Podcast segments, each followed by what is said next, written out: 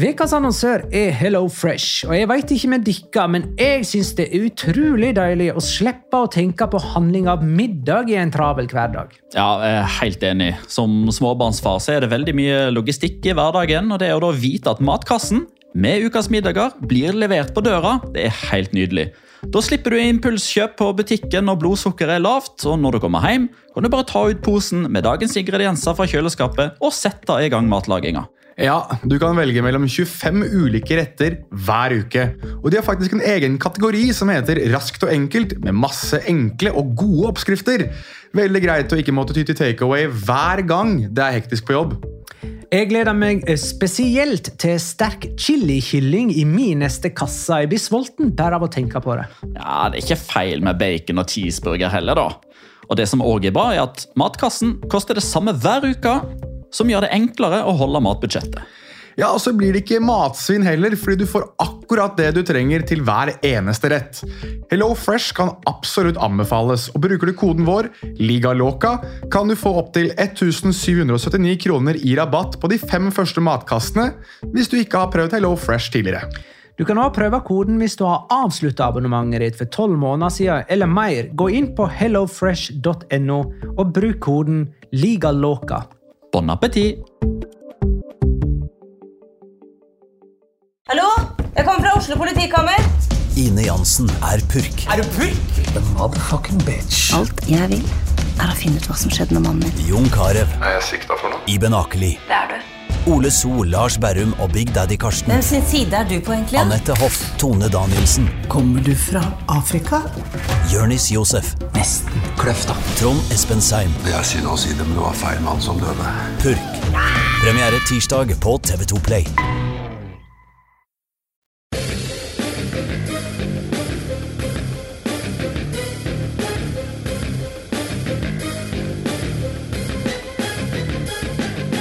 Har du sett? Hvem skulle vel tro at Ruben Baraja og Carlos Marchena skulle redde Valencia fra nedrykk med en bråte U-lagsspillere som aldri før hadde spilt primæra fotball? Valencia kan puste letta ut før de tar fatt på en ny kamp mot nedrykk i en ny bekmørk La Liga-sesong. La liga loca. En litt gærnere fotball. Ja, ja, ja. Dette er La Liga Loca episode 254 av det ordinære slaget med Jonas Giæver i Oslo sentrum. Hei. Home of shalom. Petter Wæland i Spilleberg. Hei. Hallo, hallo! Og Magnar Kvalvik en annen plass i Oslo sentrum. Hei. Hei, Magnar. Magnar. Gratulerer, Hei. Jonas! Jo, nei, det Det er vel bare å takke for det, holdt jeg på å si. Jeg, selvfølgelig, som skjæra på tunet, så visste jeg jo at dette her kom til å gå bra hele tiden. Aldri noensinne vært i tvil. Valencia kom selvfølgelig til å overleve. Det har jeg jo sagt eh, i hver eneste episode nå, de siste syv, åtte, ni episodene, vel. Idet jeg sier det for øvrig, så jeg må bare si at eh, jeg ser jo dere på video.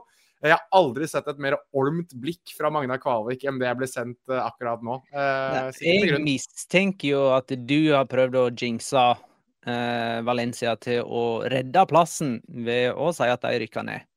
Funket det? Jeg tror kanskje vi overvurderer hverandres jinxe-egenskaper.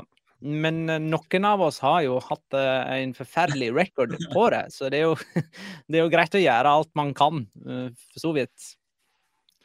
Men jo da, de er nå de er nå oppe.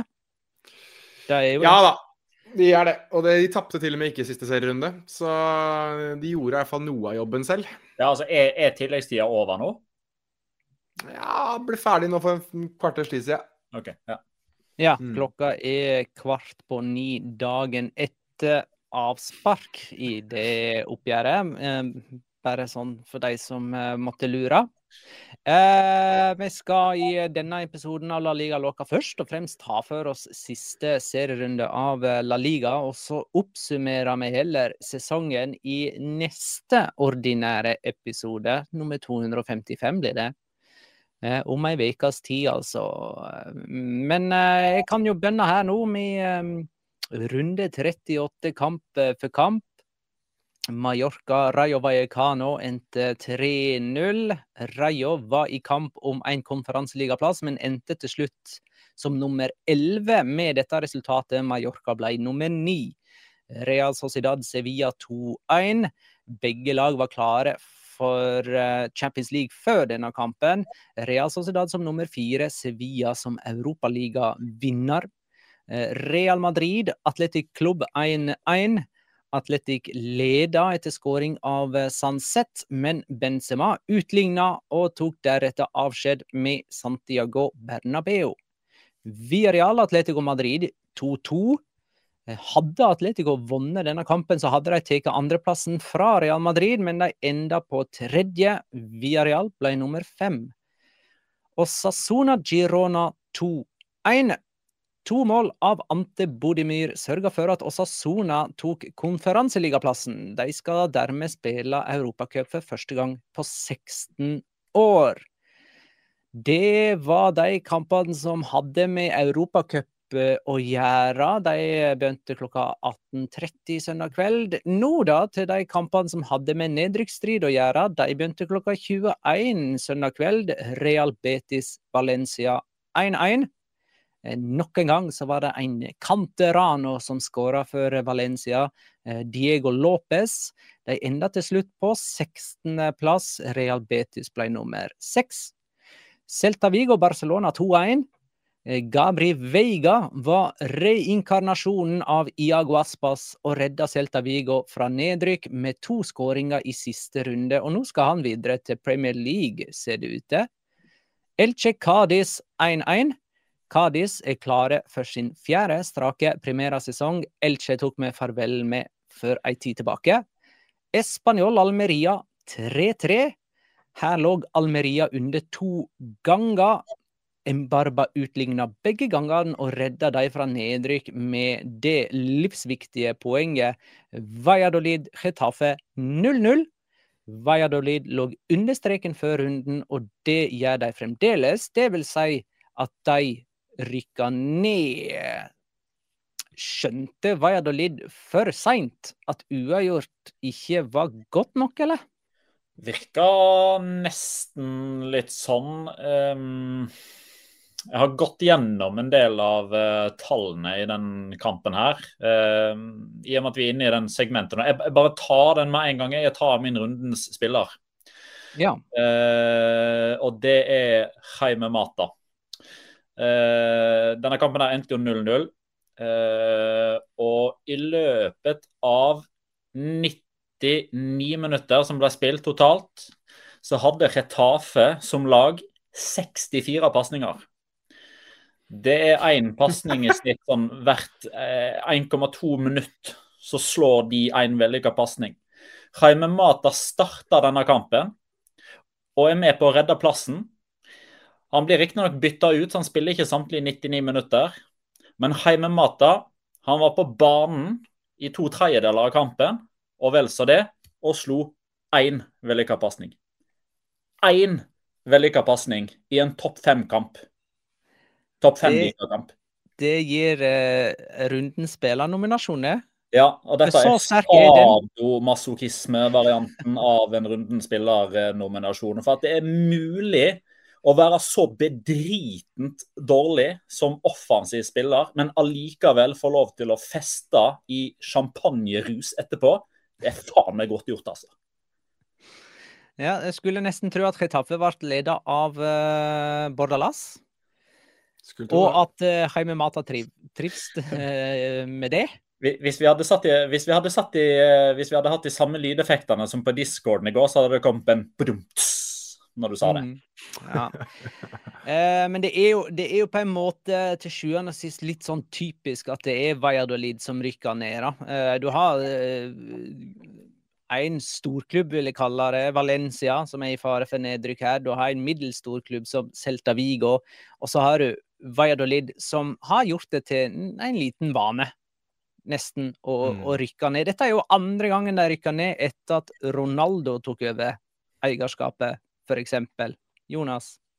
Ja, de har jo på sett og vis De er liksom litt sånn La Ligas Ålesund. Det er opp og ned, opp og ned, opp og ned med, med Valladolid. Ehm, det var jo litt sånn interessant sånn egentlig med tanke på hvilke klubber som var under streken. fordi at vi snakket jo om at det var seks klubber som kunne rykke ned. Men det var vel kun Valladolid som startet denne dagen under streken, som lå der, og som endte der. Og Almeria, som på et tidspunkt var der nede. Altså, Getafe var vel aldri under streken. Valencia var aldri under streken. Ikke Cádiz. Øh, og hvem var det siste igjen? Hjelp meg. Celta. De, og, men de var farlig nære, de også, var å være der på et tidspunkt, de òg. Eh, men, men, det var kun to klubber. Og det, det, vi startet med, var også det vi avsluttet med. Um, og Da kan jeg jo bare ta unna min, min locora sånn kjapt og gæli, siden Petter tok unna sin runden spiller kjapt og gæli. Uh, dagen etter at Valladolid har rykket ned, så har det også blitt bekreftet at Pacheta, deres gamle trener, har sagsøkt klubben fordi eh, de har ikke blitt enige om eh, kompensasjon. Han, jo, han ble jo sparket riktignok fordi de ansatte Pezzolano. Eh, men de kom tydeligvis aldri til enighet med Pacheta om hva han skulle få i kompensasjon da han ble sparket. Og såpass irritert er Pacheta på det at det foreligger et søksmål. Det har også blitt bekreftet at Ronaldo blir værende. Han har i hvert fall sagt at han ønsker å bli værende fordi han vil, vil, ikke forlate klubben slik det er nå. Han vil forlate klubben på en måte som han føler er representabel for han. Så uh, Martin André Hansen og alle andre Valladolid-supportere de må nesten bare innfinne seg med at uh, fenomenet skal prøve å gjøre um, et eller annet fenomenalt med Valladolid de neste par sesongene. Jeg mener at de, de falt jo selvfølgelig etter at Sean Weismann forsvant, riktignok. Eh, men eh, nå, eh, vi hadde jo live podding på Discord under disse kampene her, og da hadde vi jo valgt ut hver vår kamp vi skulle følge ekstra nøye, og du hadde jo denne kampen, da, Valladolid Chetafe, Petter. Og sånn som jeg forsto det på deg, så virka det nesten som at Valladolid belaga seg på at Español skulle slå Almeria, siden de leda to ganger mot dem i den litt mer heseblesende kampen, sånn at Valladolid nesten spilte på 0-0 i store deler av denne kampen. Ja, altså i, store deler av kampen her så var dette to lag som ikke ønska å spille fotball. Og så ble det etter hvert en kamp der ett lag prøvde, men ikke fikk det til. Eh, mens det andre laget fortsatt ikke prøvde og fikk det til. Ehm, de vinner jo skuddstatistikken ganske greit. her, så ved, ved, første øyekast så kan det jo se ut som at man har hatt en, en viss form for kardonade, i alle fall innimellom, da, med 15-4 i avslutninger. Men antall skudd på mål er jo 0-1. Altså, De traff ikke innenfor stengene én gang når La Liga-kontrakten sto på spill. Ehm, så mannen som har eh, redda de så ofte før, Kyle Larrin, han hadde en eh, dårlig dag på jobben. Han satte alle avslutningene han fikk, enten over eller utenfor. Darwin Machis var ikke til å kjenne igjen. Gonzalo Plata var riktignok fryktelig nære. Eh, det var vel et av de største skrikene mm. som kom når vi holdt på i går. Det var når vi så hvor nærme Gonzalo Plata var og sikre seg evig legendestatus i Valladolid med en uh, Arjen Robben-variant som dessverre for Martin André Hansen og de andre som heier på Valladolid, gikk tre centimeter over tverrleggeren. Men sånn alt i alt, uh, jeg syns ikke det er så veldig mye å si på at Valladolid går ned til slutt. og det handler om at Og dette handler jo òg litt om at på toppen så blåser det mest. altså Når det da er den som tar avgjørelser, i dette tilfellet da Ronaldo som president, klubbeier og Fran Sanchez som eh, sportsdirektør, som da velger å sparke på Cheta når de ligger på riktig side av nedrykksstreken. Forsøker nå helt uprøvd i europeisk sammenheng med Pezzolano. Han var kjempegøy han de første to-tre kampene, og så eh, gjorde han nesten ingenting riktig etter at han mista huet og fikk tre kampers karantene. Eh, og da, eh, da, er det jo gjerne sånn at det er lett å se på de på, på toppen, men eh, Ronaldo har jo åpenbart ikke tenkt seg noen eh, steder. og Frans Sanchez har fått beskjed om at han skal få fortsette, og Paolo Pezzolano har fått beskjed om at han skal fortsette, så vi ønsker masse lykke til.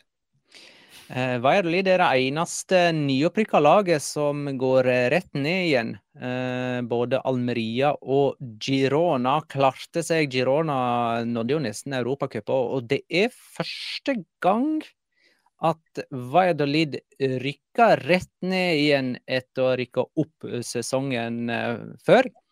Eh, litt, eh, en liten fun fact. De siste fire gangene Valladolid har vært i fare for nedrykk i siste runde, og dette er liksom fra 2010 eh, og til nå, så det, dette har jo skjedd ganske ofte. Så De siste fire gangene Valladolid har vært i fare for nedrykk i siste runde, så har de møtt andre lag som har hatt masse å spille for i den siste runden, og tapt.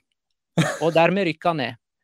Så I 2010 så uh, måtte de slå eh, Barcelona på kamp nå, mens Barcelona måtte vinne for å vinne tittelen. Og i, den koronasesongen, var ikke det i 2020 at uh, de møtte Atletico Madrid i siste kamp? Ja, som kunne bli seriemester. Ja. Og ble seriemester. Også det, den andre har vi jo òg snakka om i diverse sammenhenger med Operasjon Oikos Valencia, som jakta Champions League. Så ja, Rykka, rykka Valladolid ned, da? Nei, den er kanskje ikke blant de fire. De var kanskje Nei, safe? Jeg tror ikke. Jeg tror det var det som var greia, at de var jo safe uansett. Ja. Eh, så noen kunne på en måte spille litt på den. Ja, ikke sant. Eh, en mulig Bokstavelig talt spille på den. mm. Uh, siste fra meg for denne kampen her. Uh, jeg hørte jo på El El Partidazo på vei hjem etter at vi hadde kost oss sammen i tre timer i discorden. Uh, Gemma Santos, som er? som er tilgjengelig for alle som patronerer. www.com patrion.com slash la liga loca. og i juni så har vi spesialtilbud. Så da får du tilgang til Discord for kun 50 kroner. Ehm, da var reklamesnutten eh, ferdig. Eh, det siste for meg på den kampen her, eh, det var altså en rapport fra Remma Santos, som er Retafe-korrespondenten til Cadena Coppe. Og hun meldte, hold dere fast, at José Bordalas står på lista til en italiensk storklubb som visstnok er på jakt etter en ny manager. Hvordan det er mulig Det er ikke seriemesteren. Det er AC Milan. Oh, okay. AC Milan har visstnok begynt å se på Bordalas som en mulig trener. Det, hadde jo vært litt moro om det var Roma da, at han skulle ta over etter Mourinho. Det hadde jo gitt mening. Jeg skulle, jeg skulle si, Det er ikke rart Zlatan legger opp da, hvis, hvis alternativet er å ja. spille under Bordalas. Jeg tror nyhetene rakk eh, å nå Zlatan før han tok det valget sitt. Eh, vi kan eh, snakke litt om Valencia, Jonas. Nå som de har berga plassen, eh, støtter du meg i min påstand eh, i introen om at det blir en ny bekmørk sesong? Ja, det gjør jeg. Uh, og alle, alle, indikasjoner er jo at det, det, kommer til å bli vanskelig for, uh, for Valencia. Altså det, det, skal nok selges unna en del spillere for å på en måte vedlikeholde lønnsposter og Eh, prøve å, å, kanskje Nå har man jo sett at det har fungert med B-lagsspillere allerede, så jeg tipper at de som sitter på toppen, kanskje har lyst til å se mer av det. Eh, jeg ser også at eh, Valencia i dag har kommet med en uttalelse der de beklager seg til supporterne. Eh, i, i, i, de gamle dager så ville jo ikke supportere kunne ha svart på det, fordi Valencia hadde jo stengt kommentarfeltet på Twitter. Eh, hvis du tar en titt på det kommentarfeltet nå, så skjønner du kanskje hvorfor Valencia i sin tid stengte det kommentarfeltet. Um, det er ikke veldig god stemning. Det blir ikke veldig god stemning, og jeg uh, tror ikke neste sesong blir noe sånn spesielt mye bedre for Valencia sin del. Uh, faktisk så tør jeg gå så Dette er ikke noe maning. Greit, jeg kan være enig med at jeg har manet nå mot nedrykket, men jeg sa det i discorden i går, og jeg står på dette. Hvis ikke det gjøres fryktelig mye for Valencia sin del, hvilket jeg ikke tror det gjør, så tror jeg fort at et nedrykk er klart før vi snakker siste serierunde. Um, fordi det var på hengende håret at de klarte det nå. Hvis ikke de gjør noen ting nå i sommer, så tror jeg ikke det engang er et hår å henge i når man uh, snakker sesongavslutning 2023-2024. Dere er kjent med det begrepet om at du skal ikke tro på alt du leser i media? Ja da. Ja, ja det som er kroneksempelet på at du skal ikke tro på alt du leser i sosiale medier, er jo at Meriton de skriver jo da, altså Valencia-eierne de skriver at de skal lære, og at de er dedikerte. Men har ikke de drevet noen sesonger nå med å promotere seg og Valencia som eh, så sånn ungdomsutviklingslag som skal ha disse her Canteranos, som jo da har kommet opp nå i vår og berga plassen for dem? Jo da, og, og det de veldig ofte gjør òg altså, Nå har jeg vært eh, på Paterna og besøkte jo de eller Vi besøkte jo sammen, Magnar, eh, da vi var eh, på La Liga Experience for noen år siden. Og der, Absolutt. er de, jo- og der er de veldig stolte av den svære tavla si der de viser spillere som har gått gjennom eh, deres ungdomsakademi og blitt spanske landslagsspillere. Altså Det er jo en svær tavle de har som liksom skal være til eh, inspirasjon for, eh, for andre. Jeg regner med at det er noe du ser i andre klubber òg. Men det er jo noe som på en måte Det er fryktelig mange navn der, da. Eh, som nok gjør at de føler at de har Hvis det er noe de er gode på, så er det å utvikle talent. Og det er de jo. Men Valencia er ikke en klubb der man har tid til å kun tenke ungdomsutvikling. Der må man ha eh, de store lederne i front. Og der hadde man f.eks. denne sesongen Edinson Cavani, som åpenbart ikke fungerte. Han er en av de jeg tror fort kan forsvinne nå. Men det skal være flere av den typen, selvfølgelig noe yngre og noe bedre, sammen med veldig mange unge spillere som skal dra dette lasset framover. Det har alltid vært Valencia, slik jeg har kjent det. Det var det som gjorde at jeg syntes det var kjempegøy med Valencia. Når de hadde f.eks. Jon Carew og Paulo Aymar sammen med Kili Gonzales og Gaisca Mendieta, f.eks. Altså to kjempeprofiler sammen med to kjempetalent. Um, men det kommer vi ikke til å se. Eh, fordi Meriton lærer ikke, eh, Valencia lærer ikke. Og eh, Mer Meriton og Peter Lim ønsker ikke å selge klubben. og det tror jeg ikke de kommer til å gjøre nå, for nå får de jo selvfølgelig en sesong til i, i de gjeveste selskapet. Skal Baraja og Marchena lede dem neste sesong òg, eller? Ja, det, det, det blir nok det nå. Um, og det, det er fortjent, altså, for så vidt. Altså, og, og egentlig så klarer jeg liksom ikke å se for meg noe annet habilt valg for Valencia sin del, fordi de vil ikke bruke penger. Um, eventuelt så må de ha en sånn George Mendes-klient som gjør det på nesten amnesty, virker det som. Uh, altså, General Gattuso var liksom den klienten som Mendes skulle dytte inn, og så var det snakk om Nono Spirito Santo på et lite tidspunkt der, husker jeg. Men hvem, som, hvem, hvem andre er det som er igjen? Altså, Havi Gracia er liksom det eneste Valencia får tak i når de ikke ansetter Mendes-klienter. Um, og da Baraja og Marcena de reddet jo dette her inn, da. Uh, vi har jo sett tidligere f.eks. Cholo Simione, som ikke fikk det til å stemme i Italia med Catania og var sånn halvveis god i Argentina. Han fikk jo plutselig Han var jo egentlig på vei, Diego Simione, til Universidad de Chile i Chile. eh, men fikk jo da telefon fra Atletico Madrid, og resten er historie. Eh, så det kan jo være Ikke at jeg tror at Baraja og Drømmer stort nå, eh, drømmer Men- stort nå, Jonas. Så det, dette, dette, her, Nei, dette her tror jeg er den verste, eller eventuelt beste helgarderinga. For nå har du enten eh, topp tre eller, eller nedrykk. Nei, jeg, jeg, tror ikke, jeg tror ikke det blir så bra, men poenget mitt her er at vi har sett Uh, tilfeller tidligere hvor store trenere har vært veldig dårlige i starten av sin karriere. Vi vet at Baraka fikk jo sparken i Tenerife, f.eks. Uh, kan jo være at han får det til å stemme, og hvis Valencia ender på en Jeg, jeg tror, hvis du hadde spurt enhver Valencia-supporter nå Hvis du kunne være garantert tiendeplass neste sesong, ikke noe spenning, ingenting som skjer, det er noen seire, noen tap og noen uavgjort, så hadde de bitt av deg hånda altså, og bedt om det. Ehm, så det Og det er, ville vært mer enn godkjent for, eh, for de to. Det, det som ikke lover bra for Valencia sin del, er jo spillerlogistikken her med den økonomien de har. Og nå har de jo allerede bundet seg til å kjøpe Cenk Kacharvel fra Lyon. Eh, Han har jo ikke vært eh, en forsterkning i mine øyne. Altså Han har vært OK, mens eh, Kømert har vært på samme nivå. Gabriel har vært bedre. Diakabi har faktisk vært bedre, og de har unge spillere på vei opp og fram i den posisjonen der òg. Og de to toppskårerne er jo begge på lån. Eh, Samuelino er på lån fra Atletico Madrid. Justin Kløyfert er på lån fra Roma. I tillegg så har du Nico Gonzales, som jeg syns har vært ganske bra. Han er på lån fra Barcelona. Så de mister jo tre av de som har vært med på å dra litt lasset som litt sånn eh, halvetablerte med potensielt stor framtid foran seg. Så det og Når man da kjenner til den økonomiske situasjonen og måten de pleier å engasjere spillere, og det er de samme som skal ut på markedet nå for å hente, så er jeg litt sånn småskeptisk. Det er masse å låne fra Chelsea nå. Så det, det er bare å bygge et Chelsea B-lag, og så berger man plassen. Eh, Celta Vigo er jo Valladolid sin rake motsetning. Eh, de òg har de siste ti årene eh, vært i fare for nedrykk i siste serierunde, men har klart å fire ganger på de siste ti årene, men har klart å berge seg hver gang. Eh, og det gjorde de nå ved å slå seriemester Barcelona. Gabri Veiga skåra sitt tiende og ellevte La Liga-mål for sesongen. Det var hans to første mål på to og en halv måned. Han hadde jo slokna helt, han. Eh, og nå er det Newcastle, eller? Ja, det er i hvert fall det det snakkes om. Og så har det blusset opp litt i Liverpool-interesse igjen, så jeg. Og det snakkes jo fremdeles sånn halvveis om at Real Madrid lusker i buskene.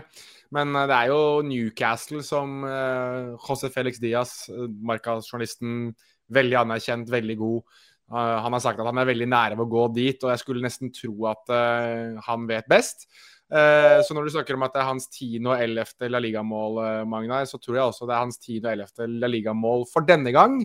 Før han på et eller annet tidspunkt ender opp i Villarreal eller en annen foregangsklubb som gjør det sånn halvveis greit, når han ikke får det til å stemme i i Newcastle. Det kan jo være Real Sociedad. Vi husker Mikkel Merino for eksempel, som endte opp der, og plutselig så var han i Real Sociedad og var ligaens beste spiller, ifølge um, Imanol Alguacil. Joselo har jo òg vært i Newcastle, og kommet på i går. Han ble jo Sarra, mestskårende spanjol. Så det, du skal ikke se at det, det, det er ikke så dumt karrierevalg av Gabriel Veiga å gå til Newcastle, skal du se. Joselo var faktisk innom Stoke på et tidspunkt da, Petter. Hm. Og han det.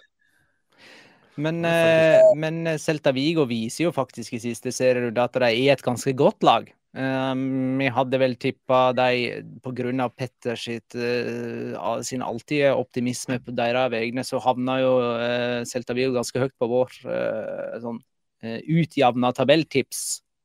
men ja, de viser jo at de har noe der å gjøre med denne seieren, selv om de møter Barcelona som allerede har sikra tittelen. Ja, de har det. Jeg må bare dra en ny en fra, fra det radioprogrammet som jeg hørte i går. og Det, det er noe av det jeg vet ikke helt hva jeg skal kalle det for. Men altså, eh, de har noe som de kaller El Tertulion. Altså, da er det mm, altså, De er 10-15 meningsbærere og så diskuterer de forskjellige temaer. Eh, det er ikke sånn at de jeg håper si, går gjennom kampene eller snakker om én spesiell ting, men det er sånn der, kall det sportstabloid bare på, på radio. Eh, men noen ganger så tar de inn eh, andre stemmer, og de begynte i Vigo, der Carlos Carvalhal eh, da skulle være med på direkten for å svare på spørsmål. Og Det begynner jo da alltid å ha sånn fast rutine på det, for de har jo korrespondenter rundt omkring på alle stadionene. Så det begynner med at eh, denne Vigo-korrespondenten da forklarer on air til Carlos Carvalhal at nå skal jeg stille deg et kort spørsmål, og så kommer programlederen inn og stiller to spørsmål. Og så må vi videre etterpå, for de, de, liksom, de skal videre til tre, fire, fem, seks andre stadioner. Og så får dessverre, for alle som satt og hørte på, så får Carvalhal et ganske åpent spørsmål. Det er liksom Det er mulig å svare langt på det, for å si det sånn. Der fikk du sesongen 2022-2023 for Celta Vigo oppsummert på åtte minutter. Programlederen og radiokorrespondenten forsøkte å avbryte og få han inn på riktig spor både to og tre og fire ganger, men nei da. Carlos Carvalhal han skulle fortelle hvor bra han gjorde det med Braga når han hadde flytt. Han skulle fortelle hvor stort savn det var for Celta Vigo å miste Oscar Mingesa i fire kamper og Carles Perez i tre kamper, og at Iago Aspas hadde vondt i ryggen, og at Gabriel Veiga var blitt jakta av større klubber og hadde hodet feil sted, og at Gonzalo Paciencia hadde vært syk, eh, og Ugo Mayo hadde ikke vært den kapteinen som han trodde han skulle være, og Viljot Svedberg hadde ikke klart å takle eh, La Liga. og altså det var ja, Viljot Sveberg. Ja. Han kasta Viljot Sveberg, eh, svensken, under bussen. Eh, ja, men, men, ingenting om Strand Larsen der? Nei, han nevnte faktisk han var en, en, av få som ikke ble nevnt eh, ved navn. Men her har du altså da det som sjokkerte meg mest av det som jeg sa her nå. Altså, Ifølge Carlos Carvellal Grunnen til at Celta Vigo avslutta sesongen så dårlig, med kun to seire på de siste tolv kampene, det var at, hold dere fast, Oskar Mingesa var ute med skade. I fire kamper eller noe? Ja. ja. Eh, hvis du skrur ned litt på Mac-en din, eh, Petter, så ikke vi hører ekko av oss sjøl innimellom. Eh, Lewandowski skåra ikke i denne kampen, men ble da toppskårer i La Liga med 22 mål. Ansu Fati skåra for Barcelona i denne kampen og ble deres nest mestskårende med sju. Det er jo ganske oppsiktsvekkende med tanke på hvor lite spilletid han hadde. Rafinha hadde òg for øvrig sju mål. Marc-André Ter Stegen enda med 18 baklengs og med smultring i 26 seriekamper. Det er tangering av rekord, begge to. Men han klarer altså ikke å sette en ny rekord med bare sitt eget navn bak. Eh, her er min locora for øvrig. Eh, Barcelona er seriemester uten å ha skåra et eneste mål på straffe eller direkte frispark. De har 70 mål denne sesongen. 65 i åpent spill og 5 på dødballer. Men altså ingen på straffe eller direkte frispark. Eh, og for moro skyld, de slapp inn null mål på headinga. Hmm. Erik Garcia, luftens baron. Ja, hmm. han spilte i Busquets-rolla i siste serierunde. Ikke Jonas? Jeg vet ikke om du skal inn, inn, på det, men i så fall vil, vil jeg skyte inn uh, muligens som vi skal ta noe om uh, Det har jo vært litt utvikling i dag. Jeg vet ikke om du har fått med deg det, Magnar? Skal jeg ta dette spørsmålet fra Endre Tengren? Uh, her må ja. det snakkes litt, litt, om Messi. Ja, det var dit jeg skulle. Ja da, vi, vi, må innom det. Altså, det, Nå kjenner jeg at uh, jeg er kommet til det punktet hvor jeg tror Lionel Messi blir Barcelona-spiller.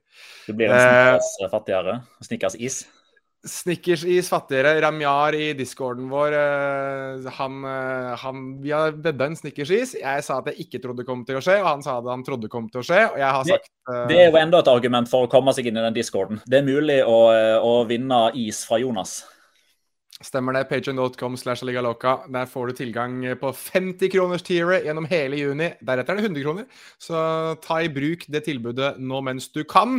En annen som potensielt sett vil ta, bruk, ta i bruk tilbud, er jo Lionel Messi. For nå skal det vel snart foreligge et tilbud fra Barcelona, skulle man i hvert fall tro. Det var jo nå mandag. Eh, først så var det igjen tommel opp fra La Liga på denne viability plan, altså den økonomiske planen som Barcelona har lagt fram, altså regnskapene de legger fram. Vi husker jo det at eh, alle La legger fram regnskapene sine, og så får de vite lønnstaket sitt, om de kan signere på eh, altså én til én, altså de kan bruke rene penger, eller om de må på en måte selge to for å kunne kjøpe én. Altså disse reglene som vi har gått gjennom mange mange ganger, og som det eksisterer tonnevis av artikler på. Um, og Barcelona har visst fått tommel opp fra La Liga, at regnskapene ser bra ut. De får lov til å eh, bruke altså, rene penger. De må ikke selge masse for å kjøpe masse, slik de måtte i fjor. De må ikke eh, benytte seg av palancas. Eh, altså, de, de, kan på en måte gjøre rene overganger, eh, så lenge de holder seg innenfor et visst, eh, et visst lønnstak. Um, og det første som da ser ut til å skje nå, er at de har, så fort det møtet var over og de fikk tommel opp fra La Liga, også etter å ha snakket med noen eksterne i forbindelse med dette, så ble det iverksatt heftig møtevirksomhet. Og førstemann som ble invitert inn i leiligheten eller eh, huset til John Laporta, det var Jorge Messi, faren til Lionel Messi. Og han er på plass i Barcelona fordi familien Messi har jo da hovedkvarterene sine fremdeles i Barcelona. Så mediene i Spania campet jo utenfor huset til eh, John Laporta. Eh, og der innrømmet Jorge Messi at han ønsker å se Lionel Messi tilbake i Barcelona, og Lionel Messi ønsker å dra tilbake til eh, Barcelona. Og vi husker jo at Jorge Messi var jo veldig tydelig da han dro også på at ja, han skal til PSG. Og eh, la liksom ikke så veldig mye igjennom. Så det handler om å få tak i Jorge Messi, for da sier han tydeligvis ting slik de er. Um, og da skulle man i hvert fall tro at Barcelona gjør det de kan og flytter himmel og jord for å kunne få på plass Lionel Messi før de gjør noe som helst mer. Og da snakker jeg også om f.eks å signere Ronald Araujo på ny kontrakt og Gai på ny kontrakt, før de eventuelt også da bekrefter at de har inngått eh, kontrakt og avtale med Inigo Martinez, som kommer gratis fra Atletic Klubb. Så der um, kan man fort få en ganske god start på, på, sommeren for Barcelona sin del. En bedre start enn uh, sommeren i fjor ga dem, i hvert fall. OK. Et annet lag i Barcelona, Spanjol, rykka ned. De spilte 3-3 mot uh, Almeria. Det var jo Almeria som uh, spilte med kniven på strupen her, da. De uh, måtte ha det der poenget, og lå altså under to ganger. En Barba utligna begge ganger for Almeria. Først på en elegant chip over keeper.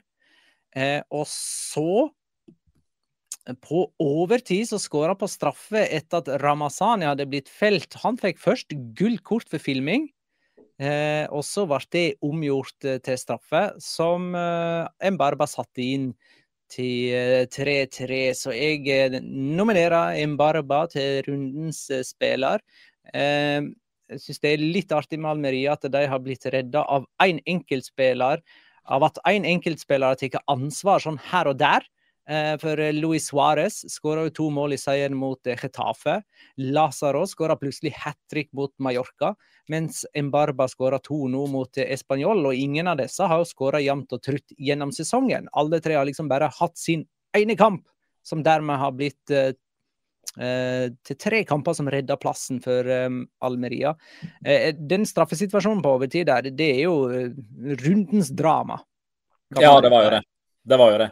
Og der fikk man jo eh, håper jeg, endelig en sånn ja, hva skal jeg si, var-situasjon som ingen uh, offer seg over etterpå. Altså, det, er liksom, det er så klink at Sotogrado tar feil i den mm. situasjonen der. Han har sikkert en sånn fornemmelse om at nå er Almeria desperate. Det der er bare et desperat forsøk på å hive seg og et, et forsøk på å, å lure meg. Forsøke å få maksimalt ut av situasjonen. For han var jo om ikke den eneste Almeria-spilleren inni den boksen der, så hadde han nesten bare spanjolspillere rundt seg. Så han var liksom Han var litt lost, Ramazzani. Men han blir jo takla. Det er jo soleklart, eh, en soleklar felling. Eh, så da, da, ble det jo, eh, da ble det jo rettferdighet der. En rettferdighet som jo egentlig er stikkordet for denne kampen her. For jeg tar lokoraen min nå. Uh, og Det handler om uh, de første 40 sekundene av denne kampen. Um, for det som skjer, er at um, Español uh, de blir bare stående. De tar avspark, spiller ballen tilbake til keeper Fernando Pacheco, som bare står med ballen. og så står de i sine utgangsposisjoner, altså høyre bekk, midtstopper etc., med armene på ryggen og ser mot fansen, som klapper. Eh, samtidig så er det da et stort banner som går langs hele kortlinjen, nei, hele langsida, som gjør at det kommer liksom i TV-bildet, der det står at vi er i sorg over at sportslig rettferdighet er borte. Eh, altså vi, vi sørger over den sportslige rettferdigheten, som de da mener ikke er der. Og dette har jo sitt utsprang i det vi har snakka om i både Discord og bonuspodkaster og i forrige ordinære episode, med Golf Fantasma, med en scoring som blir godkjent av VAR, der det ikke finnes fellende bevis for at ballen faktisk var inne. Uh, og at uh, skåringa til uh, Cæsar Montes ble annullert mot Valencia forrige helg. Så det, dette gjør dette den siste desperasjonen til, til Español. Eh, I tillegg så ble det jo kasta tennisballer utpå eh, etter 35 sekunders eh, spill, som gjorde at eh, det var en haug med, med, vakter som plutselig løp ut på banen for å renske banen for tennisballer. Og ganske jevnlig i løpet av kampen så ble det kasta baller ut på banen for å stoppe spillet. Blant annet da eh, Español satte inn sin 3-2-skåring. Ehm, så eh, dette var en kamp der eh, Español tok eh, farvel ordentlig, som noen skikkelige sytepaver. Um, er Fugli spør om uh, laget kan komme rett opp igjen, eller er de uh, på lignende tur nedover i ligasystemet, som f.eks. Malaga? Nei, det tror jeg ikke de er, men uh, det er en del ganske gode lag da, som er eh, i Segunda. Så jeg, jeg, regner jo med at de, de er vel sikkert i en opprykkskamp allerede til neste sesong, skulle man vel tro. Nå, nå forsvinner jo Joselo mest sannsynlig til, til, Real Madrid. Og så har du mm, Sergi Darder som kobles med en overgang til, til Atletico Madrid. Og så tror jeg f.eks. ikke typer som uh, Martin Brethwaite kommer til å være med ned. Jeg regner med at han blir å finne i en sånn middelhavsfarer i, i f.eks. Primera neste sesong. Um, så jeg, Eller eventuelt et nyopprykket lag i Premier League. Det hadde heller ikke overrasket meg, skal jeg være helt ærlig. Men um, Luton? Ja, Luton. Um, jeg tenker uansett det at det, det er nok en klubb som nok må De må nok begynne å styre forventningene sine litt. Grann. Altså, de, de er en klubb som agerer som om de er mye mye større enn det de egentlig er innimellom, syns jeg. Jeg husker det veldig godt også fra sist gang de var oppe, før de rykket ned.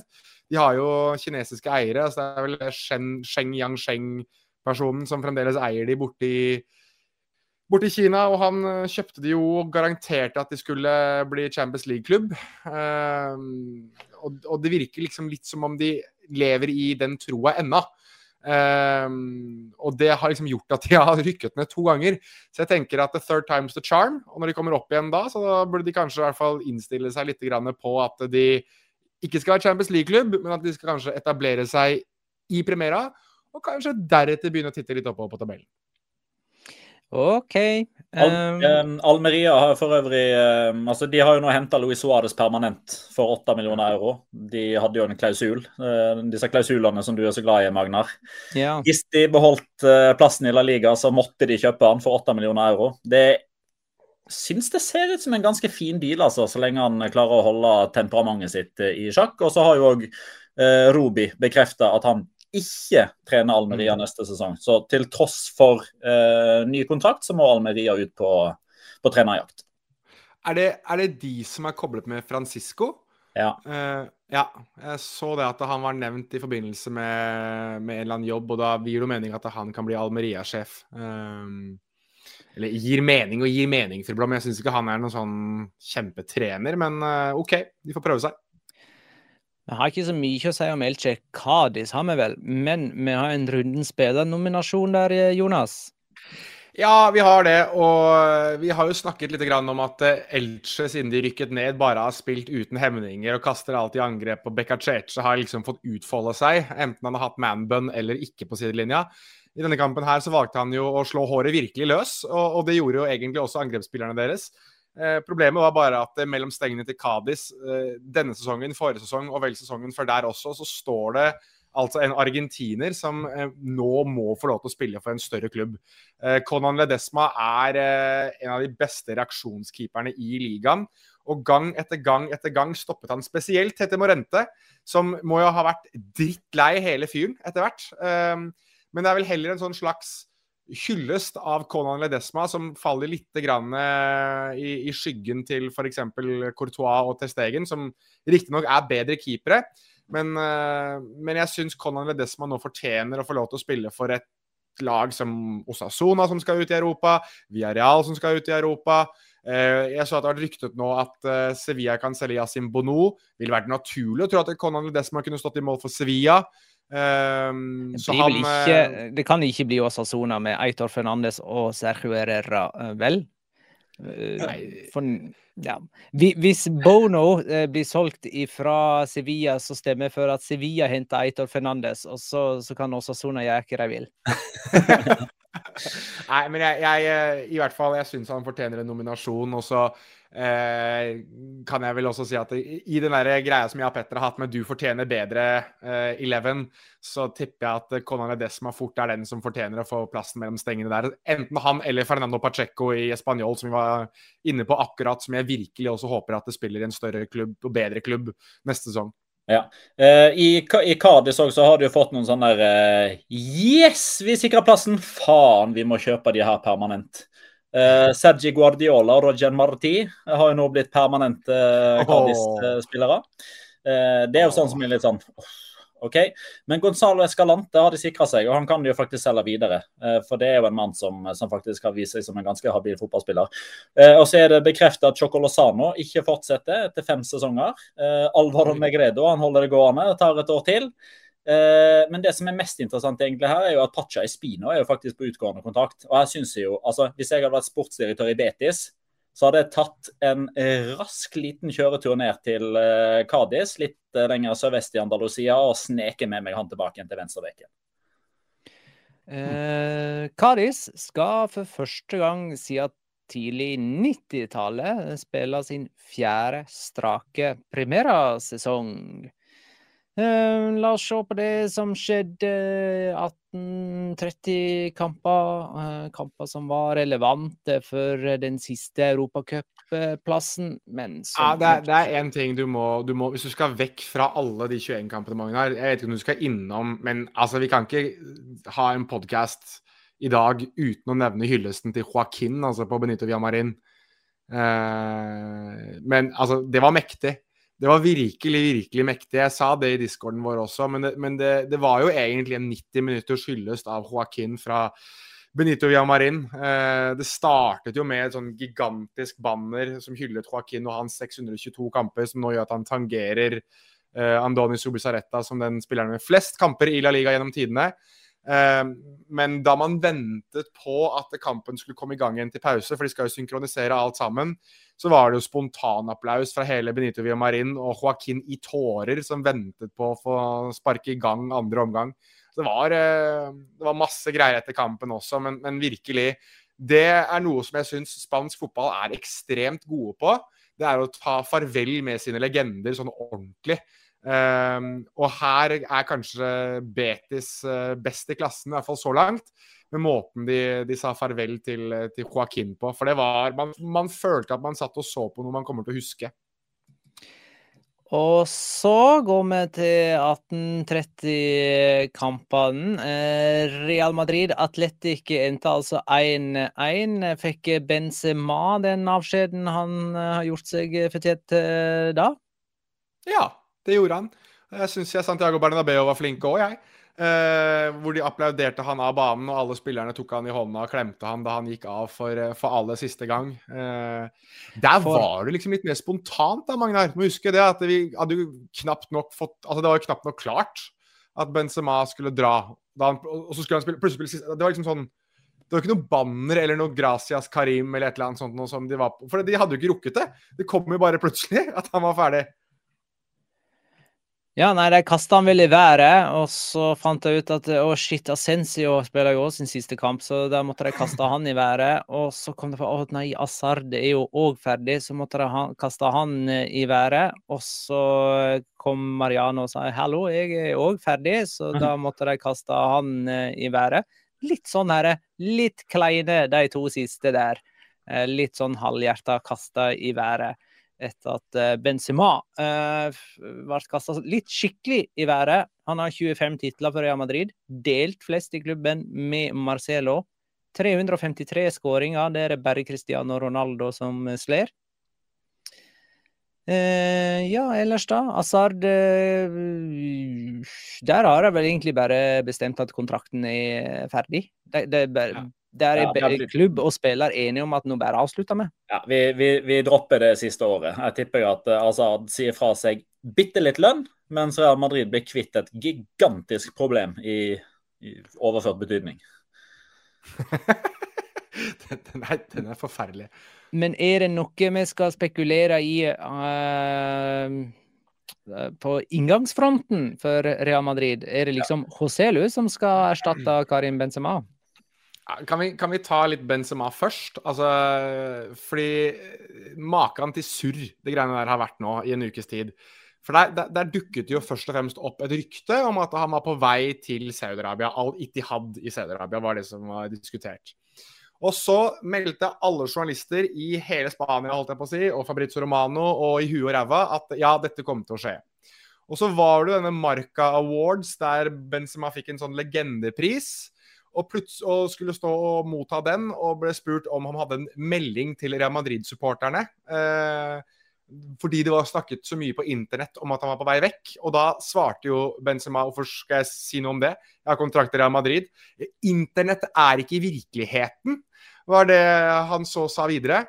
Eh, og så kom det en eh, sånn type eksklusiva fra Marca, der de skrev at Benzema blir værende. Og så nei da! Så gikk det litt grann tid og en dag til, og så var det plutselig rapportert at Benzema skulle ut, og så gikk det et par timer, og så kommunikal offisial Benzema ferdig i Real Madrid. Fy Mm. faen til surr! Jeg så, jeg, jeg så Real Madrid og Atletic spille 1-1 på internett, men det var jo ikke virkelig. Det, Men eh, Relevo, eh, som er jo et relativt ferskt medium i denne sammenhengen, de, de har jo nå forsøkt seg på en sånn her de, Dette her er historien om hva som skjedde. Eh, og de mener jo eh, De har jo da en, en teori som de legger fram eh, over en ganske lang og velbegrunna eh, artikkel. Selvfølgelig med sånn her Sjekk hva vi meldte i januar. Se hva vi skrev i april. Så Det er litt sånn slikke seg sjøl opp etter ryggen, for vi er så fleksible. Men det de spekulerer i, og det de mener er sannheten her, er at eh, Florentino Perez og Karim Benzema ble egentlig enige om dette her i januar. Om at du spiller, spiller ut sesongen, og så får du liksom gjøre gjør de greia. Uh, si det du vil, si, si, det du føler for. Ikke føl deg pressa til å si det ene eller det andre fra oss. Eh, hvis du vil bort, så er det, så er det helt greit. For disse Saudi-Arabia-ryktene og det tilbudet, det, han, det, fikk han jo allerede i januar. Da han var der og spilte Supercoppa. Eh, og Årsaken til at de skulle ønske å gjøre det på den måten, her, er jo for å gi Real Madrid tid til å sondere terrenget, finne ut hvem som er si, aktuelle. Så det at det nå kommer masse rykter om Roberto Firmino, Joselo og Harry Kane og Kai Havertz og Sean Wiseman og gud veit hvem som ikke blir linka til Real Madrid akkurat nå, det er jo journalister som begynner å gjøre arbeidet. Det betyr jo ikke at Real Madrid nå har bestemt seg for ja, Kai Havertz han ser litt grei ut. Altså, dette har visstnok Real Madrid jobba med håper jeg, bak i kulissene uten å lekke til de vante journalistene, for å forsøke å ha liksom kontroll på situasjonen. Så jeg tror timinga til Benzema kanskje var litt sånn mm, Uh, ikke helt perfekt for de, i og med at det kom så tett opp mot siste serierunde at de ikke klarte å ta ordentlig avskjed. Men det tipper jeg at de kommer til å gjøre på Santiago Bernabeu på et sånt eget komme si farvel til Benzema-arrangement. Og så hadde Relevo òg en uh, litt sånn interessant greie om hva som skjedde uh, i forbindelse med den der Marca Leyenda-prisen, for der var det jo middag etterpå. Men i jeg, I den sfæren til Benzema, der Benzema satt og spiste, så var det bare hans menn det var kun hans menn som satt der. Han og åtte stykker fra hans entourage, er ikke det de liker å kalle det for. Hans venner, hans eh, agenter, hans rådgivere osv. Det var ikke journalister der. Det var noen fra Marka. Men det betyr jo at enten så har Marka tatt hans 'internett er ikke virkeligheten' frase og bare tenkt ah, nå gutser vi. Vi kjører på en eksklusiv. og han blir, Vi setter Pablo Polo, som er redaktør, på byline for å gi det litt ekstra punch. Og se, her treffer vi. Eller så er det Benzema og co. som har spilt media en eh, aldri så liten eh, narrepinne og sendt ut litt sånn fake news, for så å gi beskjed om at nei. Um, Atletic Klubb måtte jo vinne denne kampen uh, for å ta en europacupplass. Det de. De har ikke vunnet borte mot Real Madrid siden 2005. Den statusen står fortsatt. Her leder de, og de bomma på straffe. Så, så nære, men dog så fjernt. Men nå, nå, må jeg, nå, må jeg, bare uh, komme med en liten uh, informasjon fra El Correo her, uh, som jo er lokalavisa i, i Baskaland, som har en egen Atletic-sekvens. De skriver jo faktisk at uh, Atletic ennå ikke har gitt opp håp om å spille i Europa neste sesong. Ja, for det er jo to runder til. ja, i, uh, i, retten, holdt jeg på å si. Mm. Uh, og Årsaken er jo den Uefa-høringa, eller den Uefa-uttalelsen, Uefa-fristen, kall det hva du vil, som er mandag 12.6, der de kommer til å si, forklare hvem som får lisens og hvem som ikke får lisens til å spille i Europa neste sesong. Og de klamrer seg fast til håpet om at hva som er greia gjør at Barcelona ikke får spille i Uefa-turneringa neste sesong. Uh, og at den straffen går på Barcelona som klubb, og ikke La Liga som liga. Og at eh, det da vil kulminere i at Viareal får en Champions League-plass, at Osasona får en Europa League-plass. Og at eh, Atletic Club kjører en Stephen Bradbury fra OL i Salt Lake City i 2002 og smyger seg rolig inn i Conference League. Ja, litt Altså, jeg mener, hvis eh, Barcelona skulle bli kasta ut, så vil jo Spania likevel ha fire lag i Champions League. Så at de skal klare at, liksom, å lure inn et femte lag den veien der, virker jo litt snodig. Nei, det er helt etter boka, det. Det er helt ja, etter boka. Det skal ikke gå på bekostning av alle andre at Barcelona blir hevet ut. Da er det bare vekk med de, og alle opp et tak. All right. Var det noe du skulle si, Jonas, eller kan vi gå videre? Eh, nei, du var bare innom eh, spekulasjoner på hvem som kan være på vei inn i Real Madrid, så da bare sier jeg det veldig kjapt. Mar eh, Bilt i Tyskland mener å hevde at eh, Kai Havertz eh, nesten er klar, eh, så den er verdt å følge med på. Marka og AS har begge to slått hardt i bordet og meldt at Harry Kane er nummer én på lista til, til, Real Madrid, så den er verdt å følge med på. Og Det er vel kanskje de to det snakkes aller aller mest om. Firmino er visst ikke aktuell. Um, Joselo nevnte vi, som er på vei inn på lån, og det er vel egentlig det, tror jeg. Eh, Jude, Bellingham. Jude Bellingham kommer inn. Jude Bellingham. Ja. Og så har eh, Nacho valgt å forlenge kontrakten. De skal, ikke hente Nicholas Jackson, da, som skåra igjen for Villarreal mot uh, Atletico Madrid. Han har ni mål på de siste åtte seriekampene og ble kåra til verdens beste fotballspiller i discorden vår i går kveld.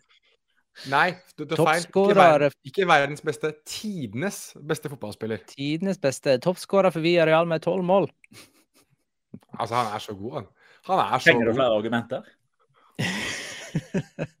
For, ne for nedrykkstruede real sesong etter sesong, Magnar. Husk det. Ja. Men eh, Kikki igjen eh, nevnte jo eh, på pressekonferansen etter kampen, så, så, sa jo faktisk han at det er, det er, det er liksom den verdenen vi lever i. Vi kjenner vår plass på rangstigen. Eh, det kan godt hende at det var siste vi så av Nicholas Jackson i gult. Det kan hende det siste gang vi så Samuel Chocoese Pau Torres. Um, så man får jo bare se, se hva som skjer der. Uh, jeg spådde jo Aston Villa på Chukwese og uh, og Nicholas Jackson, så får vi se. Ja, og du går ikke tilbake på noe der? Nei. Uh, nei. Aston Villa på begge to. Angel Correa skåra to mål for Atletico, som fremdeles aldri har tapt når han har skåra. Grismann hadde to nye målgivende og har 17 av dem denne sesongen. Eh, egentlig en liten locora med, med, tanke på at eh, Grismann fikk spille veldig lite i starten av sesongen og bare kom inn eh, etter en time. Han har spilt alle 38 serierunder, han. Han har flest målpoeng av absolutt alle denne sesongen. Mm. Ja, jeg, jeg, ville bare skyte inn, Magna, siden, du, siden dere var så jævlig på det der Aston Villa-sporet. Uh, jeg ville bare si det at uh, Cadena Ser melder at uh, Pau Torres uh, har tilbud fra to klubber. Og Det ene er Juventus, og det andre er Aston Villa. Så uh, hvis Petter får riktig, så er det faktisk tre Viareal-spillere som da skal til Aston Villa. Ona Emry er jo trener der, så det, det gir jo for så vidt litt mening. Men gå tilbake til Ankel Korea og, og Griezmann, for det var egentlig morsommere. Ferdig med det. Eh, Osasona Girona endte 2-1 på El Sadar. Eh, betyr altså at Osasona spiller i eh, Europacup, konferanseliga nærmere bestemt. Eh, de spilte òg Copa del Rey-finale, så det er ikke så merkelig at Gøran O. Pedersen med flere spør om Osasona eh, og deres sjuendeplass er sesongens beste prestasjon i Spania. De er tett opp mot en uh, positiv overraskelse. Altså, Jago Barasate driver og snuser litt på en, uh, i alle fall en nominasjon til sesongens uh, trener, og nesten òg sesongens sitat. For han sa jo på pressekonferansen etter kampen at da vi spilte cupfinale, så håpte hele Spania at vi skulle tape, fordi da ville syvendeplassen gi spill i Europa neste sesong. Og så er det vi som kommer til å ta syvendeplassen. Ja, jeg, eh, ja, Hvis vi skal på årets sitat, så kan jeg finne i hvert fall fem eller seks andre fra Javier Agirre som er bedre enn det der. Men uh, uansett, så jeg Det er enten, enten også Altså, faktisk. Det er enten Jacobo Arrazate og Sasona eller Mallorca og Javier Agirre på niendeplass. Eller Mitchell og Girona på tiendeplass. Det, det er de tre jeg har som nominasjoner til årets prestasjon for klubber vi ikke trodde skulle gjøre det bra. Eventuelt så kan vi jo ta Barcelona, som var helt suverene på toppen der også, selvfølgelig. Men litt interessant fra Jørn Henland, og det er at om Osasona på en måte har nådd taket sitt, eller er det mulig for utvikling? Jeg føler de har skvist mye ut av den sitronen der. altså. De har minus fem i målforskjell, liksom. De har 37-42 i målforskjell, og de blir nummer sju. Ja. La, jeg, vil, jeg, vil, gjerne se hva de gjør for noe på overgangsvinduet nå. Altså, nå. nå. får de en plass i Europa, og det gjør jo at de er litt mer aktuelle for noen litt bedre spillere enn det de har. Uh, at de potensielt sett kan få noe mer bredde og dybde i den troppen. Det, det tror jeg rett og slett de trenger. Uh, jeg lar meg fascinere av Osasona, uh, fordi det er jo åpenheten deres og ærligheten deres som egentlig har tatt de der de er. Ehm, så spørs det om det, om det er et eh, naturlig tak og en begrensning for ærlighet og åpenhet. Men, eh, men jeg tror i hvert fall at det blir utrolig spennende å følge med på hva de, hva de får til. Men eh, nei, jeg tror de kan befeste seg, jeg, på den der plassen fra åttende til femte et eller annet sted. Altså. Jeg, jeg sitter med en feeling på at det er såpass kløktige mennesker der, og at de har så mange på vei opp gjennom systemene sine der også, at de der er ikke siste ord sagt, tror jeg. Eh, Paco Alcácer fan-account skriver, eh, og nå har jeg ikke dobbeltsjekka disse tallene, så jeg bare tar det for god fisk. Ante Bodimir koster 8 millioner euro. Eh, sjuendeplassen i La Liga får 8 millioner euro mer enn åttendeplassen, så med sine to, eh, to mål søndag betalte han altså tilbake prislappen. Eh, nå har, nå har han vel gjort seg fortjent til et hyllestdikt av Magnar. Eh, ja, det har han, men det får han likevel ikke, for eh, det diktgreiene har vi på en måte lagt bak oss. Det er ganske interessant at hvis ikke han har hørt siden vi hadde hyllestdikt, for det begynner å bli ganske lenge siden nå. Ikke to sesonger siden vi hadde det. Ja, han, mener kanskje det er eh, verdt å ta opp igjen den hansken ja. på denne prestasjonen, da. Det kan godt hende. Men eh, Osasona har jo nå eh, fått sin eh, hyllest fra lokalsamfunnet. Eh, Pamplona og Navarro-regionen. For nå er det jo faktisk da Osasona som klubb. Eh, naturligvis da ved en representant som får lov til å eh, starte San Fermin-festivalen. Eh, det starter jo alltid med en såkalt El Chupinazo, som det er å fyre av en liten rakett. Da går startskuddet for San Fermin, og det er det da Osasona som skal få æren av å gjøre. Ja. Mens Girona sin trøst for ikke å nå Europa er at de får sin første normale sommerferie siden 2019. For de tre siste sesongene så har de spilt playoff til langt ut i juni og juli. Mm. Eh, Real Sociedad og Sevilla spilte på Anueta. Det endte 2-1 til Real Sociedad. Um, kan nevne der at Reis Mendes skåra for Lareal. Det var hans første mål i 2023. Han skåra ti mål på høstsesongen. Så der var det plutselig Der ja. var det litt sånn bråstopp, men også plutselig en fin avslutning. For de som uh, hørte bonuspodkasten når vi gikk gjennom um landslagstroppen, så nevnte jo jeg at eh, både min og Jonas sin midtbanekjæledegge begge hadde hatt en fantastisk høst, men ikke en veldig god vår. Og så skårer begge to i påfølgende serierunde. Det var Gabri Veiga og Mendes, da. Ja. Eh, Rea Sociedad tok da 71 poeng, som er det meste de har hatt siden den der sesongen i 2002-2003. Eh, dette resultatet og øvrige resultat eh, betyr at Sevilla enda på tolvteplass. Det gjør de til, tid, eh, til tidenes dårligste spanske europacupvinner. Den regjerende mester i så måte, det var Atletico Madrid, som vant Europaligaen i 2010 og endte på niendeplass i La Liga. Eh, Real Sociedad spilte i neste sesongs drakter, og de er kjempefine. Matheo, la oss Jo, det de er kjempefine. Det triste med de det, Jo, jeg er helt enig. Jo, jeg er helt enig, Magnar. Helt enig. Men det triste med de er at de skal ha en sponsor. Hadde de klart å drite i sponsor og bare hatt sånn som nå, helt enig. Og så en, bare en kjapp hyllest til Alexander Sørloth. For selv om han ikke skåra, men han er faktisk den, den norske La Liga-spilleren som har vært nærmest å bli toppskårer i La Liga. Ja, OK. Kun mm, ti mål bak. Lewandowski. Lewandowski. Karev var nærmest før denne sesongen. Da han var 13 mål bak Raúl da han ble toppskårer. Og så er vel Lewandowski i gåsehauget den svakeste toppskåreren i La Liga siden bare 2002, jeg fant ut. Det var iallfall mista for Deportivo la Coruña i sin tid ja. som uh, eh, skåra færre mål og ble toppskårer uh, med det. Ja. Uh, dette var for øvrig òg siste kampen til Matheo Laos som hoveddommer. Han grein, og det var sikkert uh, kjemperørende. Altså, for alle, jeg er ikke sånn iskald, kjip fyr, fyr altså, men ja, det var sikkert rørende. og han Jeg er ikke kjip, men ja, nei, ja. Der har du det. Det, det kunne vært verre, sier jeg.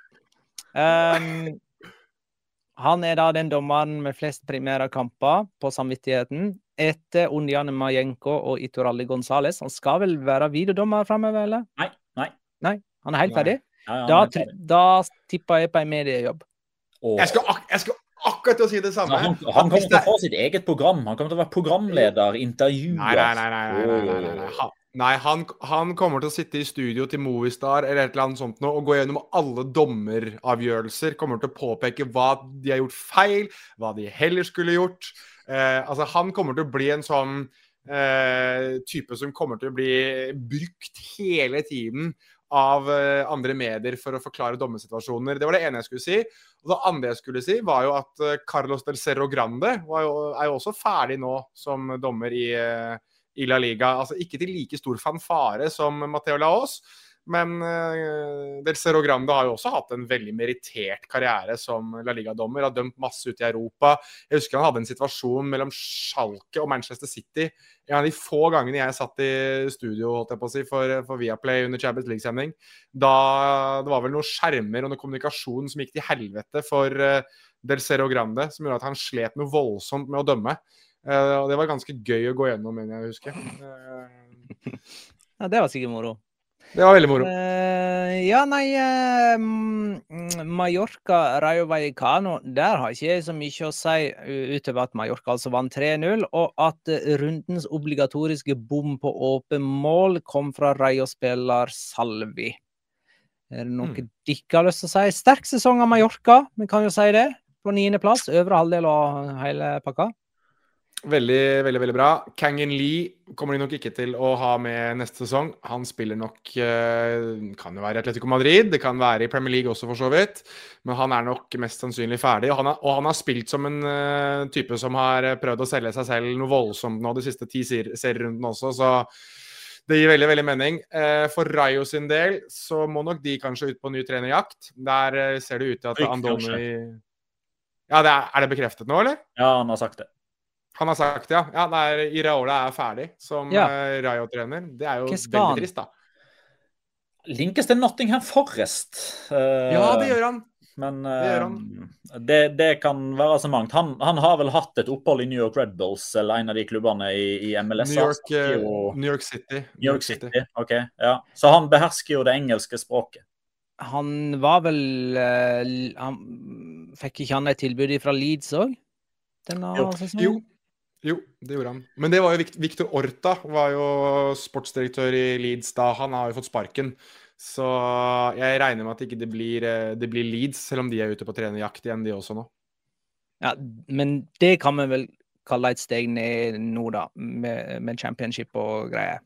Uansett. Absolutt. Uh, nei, men uh, moro det, da. Uh, tipping. Ja. Eh, Ja, ja. Med kampen vi tippa på denne runden, det var Celta Vigo Barcelona, som endte 2-1 med Gabri Veiga som første målskårer. Jeg hadde 1-2 med Gavi som første målskårer. Da får jeg null poeng. Petter hadde 2-1 med Aspas som første målskårer. Det gir tre poeng. Jonas hadde 1-0 med Aspas som første målskårer, og det gir ett poeng. Til sammen har jeg da 35, Petter 32 og Jonas 21. Mm, men så klarte jo dere å trumfe gjennom at vi måtte ha en eh, ekstra tipping som skulle slå ut på denne poengskalaen, og det var hvem er det som eh, faktisk rykker ned i siste serierunde? Der tippa jeg Celta Vigo, Petter Weierlid og Jonas Valencia. Og så ble vi vel enige om at det gir fem poeng hvis man har rett, så da spretter Petter opp på 36 poeng totalt og er vinner av årets tipping. Det, det der er sånn som jeg um, gjør når jeg spiller brettspill og sånt med, med niesene mine, f.eks. Jeg vinner, eh, men så bare finner jeg på en liten konkurranse til slutt som de kan vinne, sånn at alle er fornøyde. Jeg faller alltid ned den lange stigen på stigespillet jeg, når jeg spiller med barna mine. Like kjekt hver gang. Men eh, da har Jonas har tapt. Det er det som er det viktige her. Eh, Fikk ikke, fikk ikke du et tips om hva som skulle være straffen din? Jo, det gjorde jeg. Jeg kan ta det. Men eh, til alle som har tips eh, eller forslag til hva straffen burde være, så kan de jo sende det til oss på Twitter. Eller så kan de jo komme seg inn i discorden vår, som de får tilgang til patrion.com slash ligaloca. Um, der kan de også komme med tips, for i den discorden så har Unn Maridsatte Tjelta kommet med et forslag som er skriv og les opp den erotiske novellen Sam Paoli sendte ut på banen. Den må inneholde Kiki Sanchez Flores. Eh, og alle forslag jeg har fått, for jeg har jo tapt dette her flest ganger eh, Av alle forslag jeg har fått, så er nok dette et av de bedre forslagene. For det ser jo jeg på som en kreativ uh, utfoldelse mer enn noe annet. Så jeg skal kunne klare å skrive om svulmende jordbær og de ekstremt trangtsittende buksene til Jorge Sampaoli uten problemer. Men for de som ikke husker konteksten her, Jonas. Jorge Sampaoli-lapp. Den, den, må du forklare. Ja, jeg husker ikke hvem det var mot, men han sendte jo Han hadde jo en greie, Sampaoli, med at han først begynte å sende ut lapper, altså ganske sånn lange lapper sånn, nesten sånn papirstrimmellapper, ut til spillerne sine. Og så var det plutselig en kamp der det var en hel jævla A4-side som Det var vel John Jordan som sto og prøvde å finne ut hva som var opp og hva som var ned på den svære sida. Og det som Man har jo funnet ut hva det var som egentlig sto på den, men det Unna er inne på her, er jo det at det kanskje han faktisk fikk en erotisk novelle som han sto og leste på. For han brukte noe jævlig lang tid på å gjøre forståelse ut av den uh, lappen. Jeg foreslår i så fall at uh, du gjør den erotiske novella til en egen bonusepisode som uh, kan ligge på Patrion eller et eller annet. Ja, det kan vi gjøre. Explicit, er det du tenker på? Ja. Eh, mm. gjerne det. Eh, men altså, neste episode vil jo da bli en sesongoppsummering. Vi har jo fått noen spørsmål eh, til denne episoden, sånn som f.eks. Viktor Hallnes. Topp tre positive ting fra årets La Liga. Eh, og er man overraska over årets sesong kontra i fjor? Eh, det er sånne type ting som vi kan ta i sesongoppsummeringen. Nå, denne episoden gikk mer på runde 38. Jonas, vil du ha siste ord? Kjapp innskytelse der. Eh, jeg tenker at eh, det vil være veldig gøy om vi har en sånn slags form for eh, La Liga Loca Awards. Så den mener jeg at folk må komme med, de må komme med forslag til hva slags priser de vil ha delt ut, først og fremst. og så kommer det noe i Patrion i hvert fall. Eh, men potensielt sett så kan vi jo ta noen av disse prisene også i en ordinær episode. Litt sånn eh, de mer vante tingene. Men det kan vi jo eh, diskutere litt på bakrommet hvis folk er interessert. Um, også Apropos sånn sesongoppsummering. En av de tingene som vi dessverre kommer til å huske fra denne sesongen, er jo Venicius og alt det han har måttet gjennom. Men bare sånn på tampen her, i og med at det er en sånn nyhetsgreie, uh, har det jo faktisk da kommet uh, straff i to av disse um, tilfellene der uh, fire personer har fått to års utestengelse fra alle idrettsarenaer og 60 000 euro, altså 650 700 000 kroner i bot i, i forbindelse med den dokka som ble hengt fra den eh, broa i mm. Madrid ikledd Venicius-drakt. Eh, mens de tre personene som ble identifisert på Mestalla, har fått ett års utestengelse og 5000 euro i bot, altså en 55 000-60 000 kroner. Så da, um, da, har de, da, har, da, har de, i alle fall klart å få gjennomslag for at de skal straffes, og straffene er ganske mye strengere enn hva tilfellet har vært før. Så vi er på vei i riktig retning, i alle fall. OK. Uh, ja. Var det noe mer jeg skulle ha sagt? Vi veit ikke hva som blir det siste primærlaget før uh, Eibar Alaves To og en halv uke var den nære playoffen der Eibar Alaves og uh, Albacete Levante gjør opp seg imellom. Uh, oh, Jonas, det er siste ord. Det er det. Girona og Las Palmas er de to som allerede er klare. Yeah. Granada og Las Palmas. Granada, selvfølgelig. Jeg blander alltid Girona og Granada. Så det blir gøy når de møter hverandre. Takk for at du lytta, kjære lytter. Ha det, da.